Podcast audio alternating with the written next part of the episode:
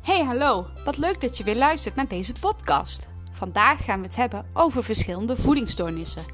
We gaan kijken naar wat is nou het probleem, wat zijn de oorzaken, maar vooral ook welke behandelingen zijn er. Daarnaast gaan we naar enkele verhalen luisteren van mensen die lijden aan een voedingsstoornis. Veel plezier!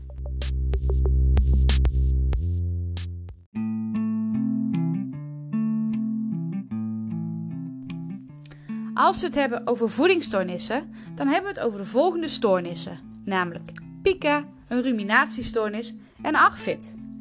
Pica is een stoornis waarbij je niet eetbare dingen eet die niet passen bij je ontwikkelingsleeftijd of bij de cultuur waarin je opgroeit. Wat daarmee wordt bedoeld is dat er dan dingen worden gegeten die wij niet normaal vinden om te eten, maar die in andere culturen heel normaal worden gevonden. Denk bijvoorbeeld maar aan schorpioenen in Thailand. Ook verschilt het nogal wat er per leeftijd wordt gegeten. Op jonge leeftijd is dat vaak verf, haar of stof, terwijl oudere kinderen vaak zand, insecten of bladeren of steentjes eten. En adolescenten en volwassenen eten vaak klei of grond. De stoornis komt vaak voor in combinatie met een verstandelijke beperking of met een autisme spectrumstoornis en kan in zeldzame gevallen ook voorkomen bij schizofrenie of bij de zwangerschap.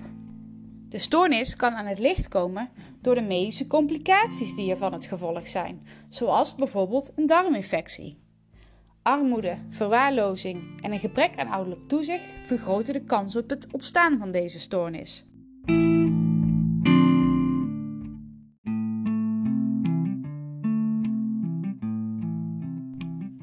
Weten we wat pica is. Maar wat is eigenlijk de oorzaak van pica?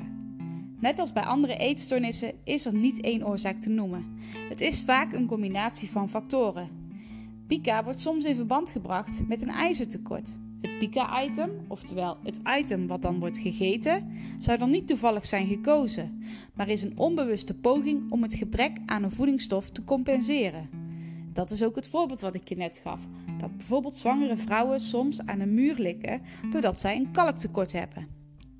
Vaak zie je dat er naast pica ook een ontwikkelingsstoornis of een psychische stoornis is vastgesteld. Wat nog wel belangrijk is, is om te weten dat er bij kinderen tot een jaar of drie hè, is het eten van niet eetbare dingen een normale vorm van leren. En zij lijden dus niet meteen aan pica.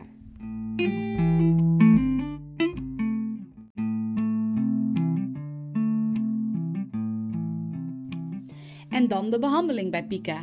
Bij de behandeling is het noodzakelijk om eerst de gevolgen in kaart te brengen.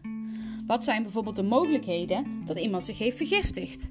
Of is er sprake van een verstopping of een perforatie? Er is nu nog weinig onderzoek gedaan naar de behandeling van pica. Soms is pica gewoontegedrag dat doorbroken moet worden.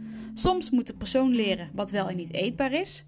Of is er sprake van stress in het gezin, of verwaarlozing of mishandeling. Er zal daar iets aan gedaan moeten worden.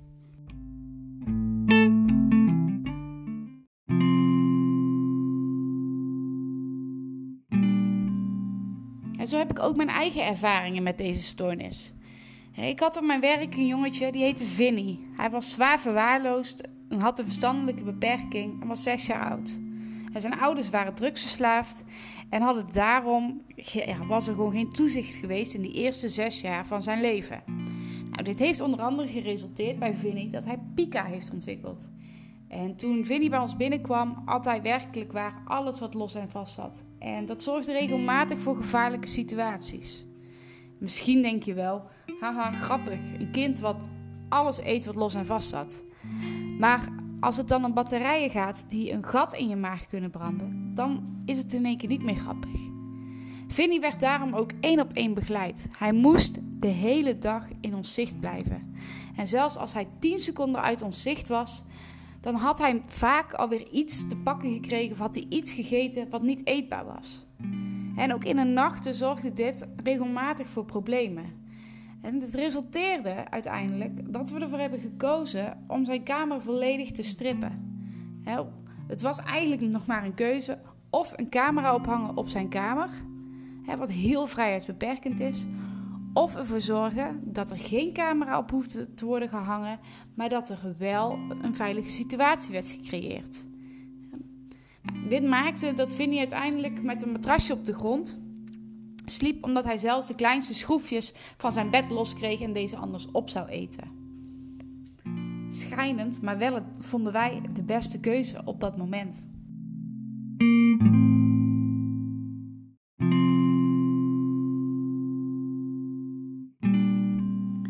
Uiteindelijk heeft Vinnie, doordat we hem beloonden op de momenten dat hij bijvoorbeeld met speelgoed speelde en niet ophad, redelijk geleerd wat wel en niet eetbaar is. Vinnie had dus ook nog een verstandelijke beperking. Maar dat Pika niet alleen voorkomt bij mensen met een verstandelijke beperking, wordt duidelijk in het voorbeeld van Edith.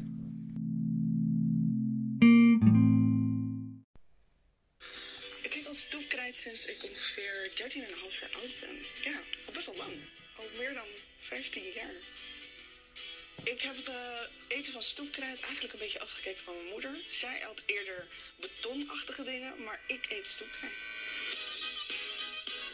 Ik eet ongeveer per week uh, van die grote eet ik ongeveer de helft, denk ik. Misschien iets meer. Dat hangt vanaf hoeveel zin ik erin heb als ik geen krijt kan eten, dan heb ik wel echt een probleem. Dan merk ik gewoon echt dat ik zoiets van...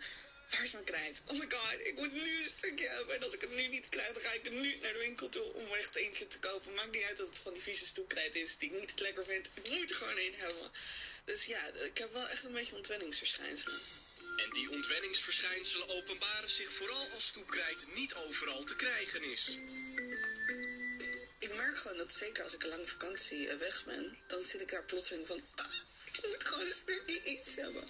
Maar goed, op een gegeven moment was ik in uh, Mexico. Ik kom daar vandaan en ehm, ik was met mijn familie naar een piramide toe. En ik had toen echt al, ik denk drie weken of zo, geen krijt gegeten.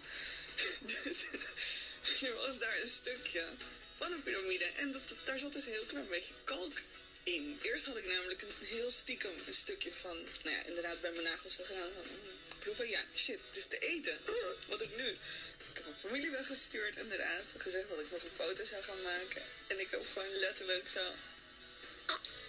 een stukje van de piramide genomen. en dat natuurlijk nergens op. Dus ja, zo erg kan ik het hebben als ik echt gewoon, ja, ik moet gewoon echt een stukje krijt hebben af en toe.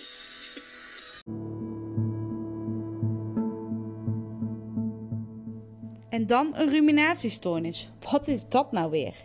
Kenmerkend voor deze stoornis is dat je je eten weer als het ware gaat opboeren en daarna gaat herkauwen. En gedeeltelijk verteerd voedsel wordt teruggebracht naar de mond zonder dat je daarbij misselijk bent of extreem gaat kokhalzen, wat je bijvoorbeeld wel eens doet als je iets verkeerds hebt gegeten.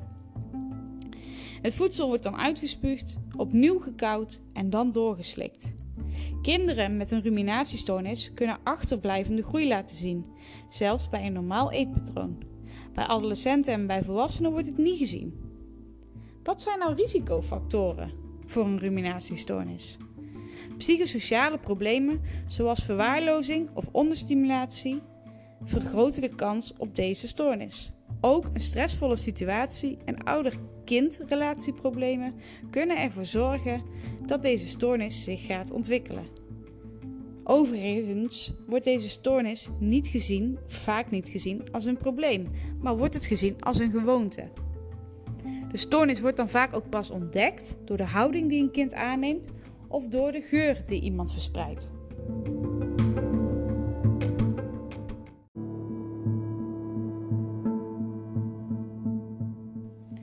Maar wat is nou eigenlijk het grote probleem bij deze stoornis?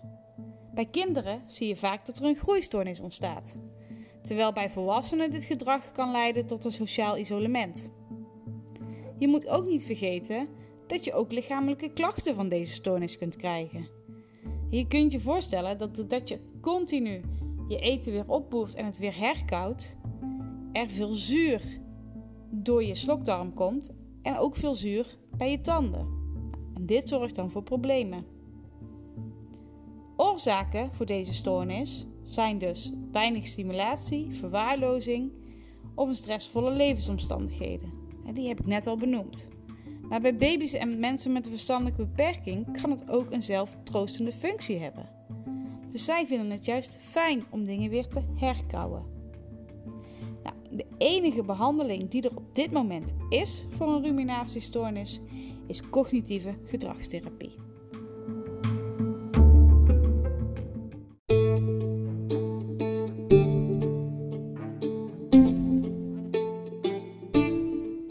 En dan hebben we nog ARFID, oftewel een Avoidant Restrictive Food Intake Disorder. Misschien heb je hier nog nooit van gehoord, maar misschien heb je wel eens van een vermijdende voedselinnamestoornis of een selectieve eetstoornis gehoord. Alle drie betekenen ze hetzelfde. Als je ARFID hebt, vermijd je dus bepaalde soorten voedsel. Hierdoor kan het soms lastig zijn om bijvoorbeeld uit eten te gaan of om op vakantie te gaan. Dit kan er dus voor zorgen dat je in een sociaal isolement terechtkomt of dat je depressieve gevoelens gaat ontwikkelen. Kenmerkend voor deze stoornis zijn dat je dus weigert om voedsel met een bepaalde smaak, kleur of textuur te eten. Je hebt geen eetlust, je kind groeit niet goed, je wordt dunner omdat je onvoldoende voedingsstoffen binnenkrijgt, of je wordt dikker omdat je voornamelijk ongezond voedsel eet. Ook kan het zijn dat de vitamine- en mineralenhuishouding in je lichaam niet in orde is.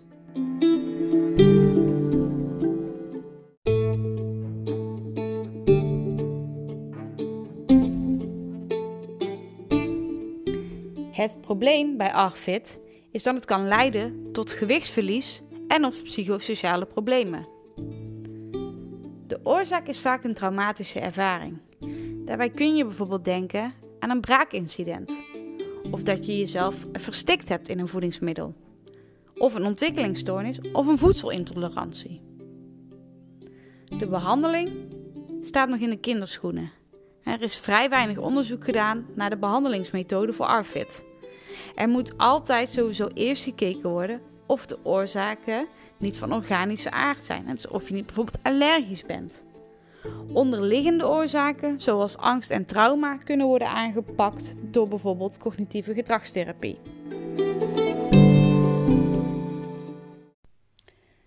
We gaan luisteren naar het verhaal van Dionne. Dionne vertelt over haar probleem en over wat het effect van haar voedingsstoornis is. Wat is precies jouw uh, eetprobleem, zeg maar? Mijn probleem is dat ik uh, geen groente eet, geen aardappelen, geen sla, geen fruit. Kortom, alles wat gezond is, dat eet ik niet. Ik heb ook begrepen dat je moeite hebt met zachte dingen. Met zachte dingen, ik wil inderdaad ook. Ik bijt niet graag en niet zacht.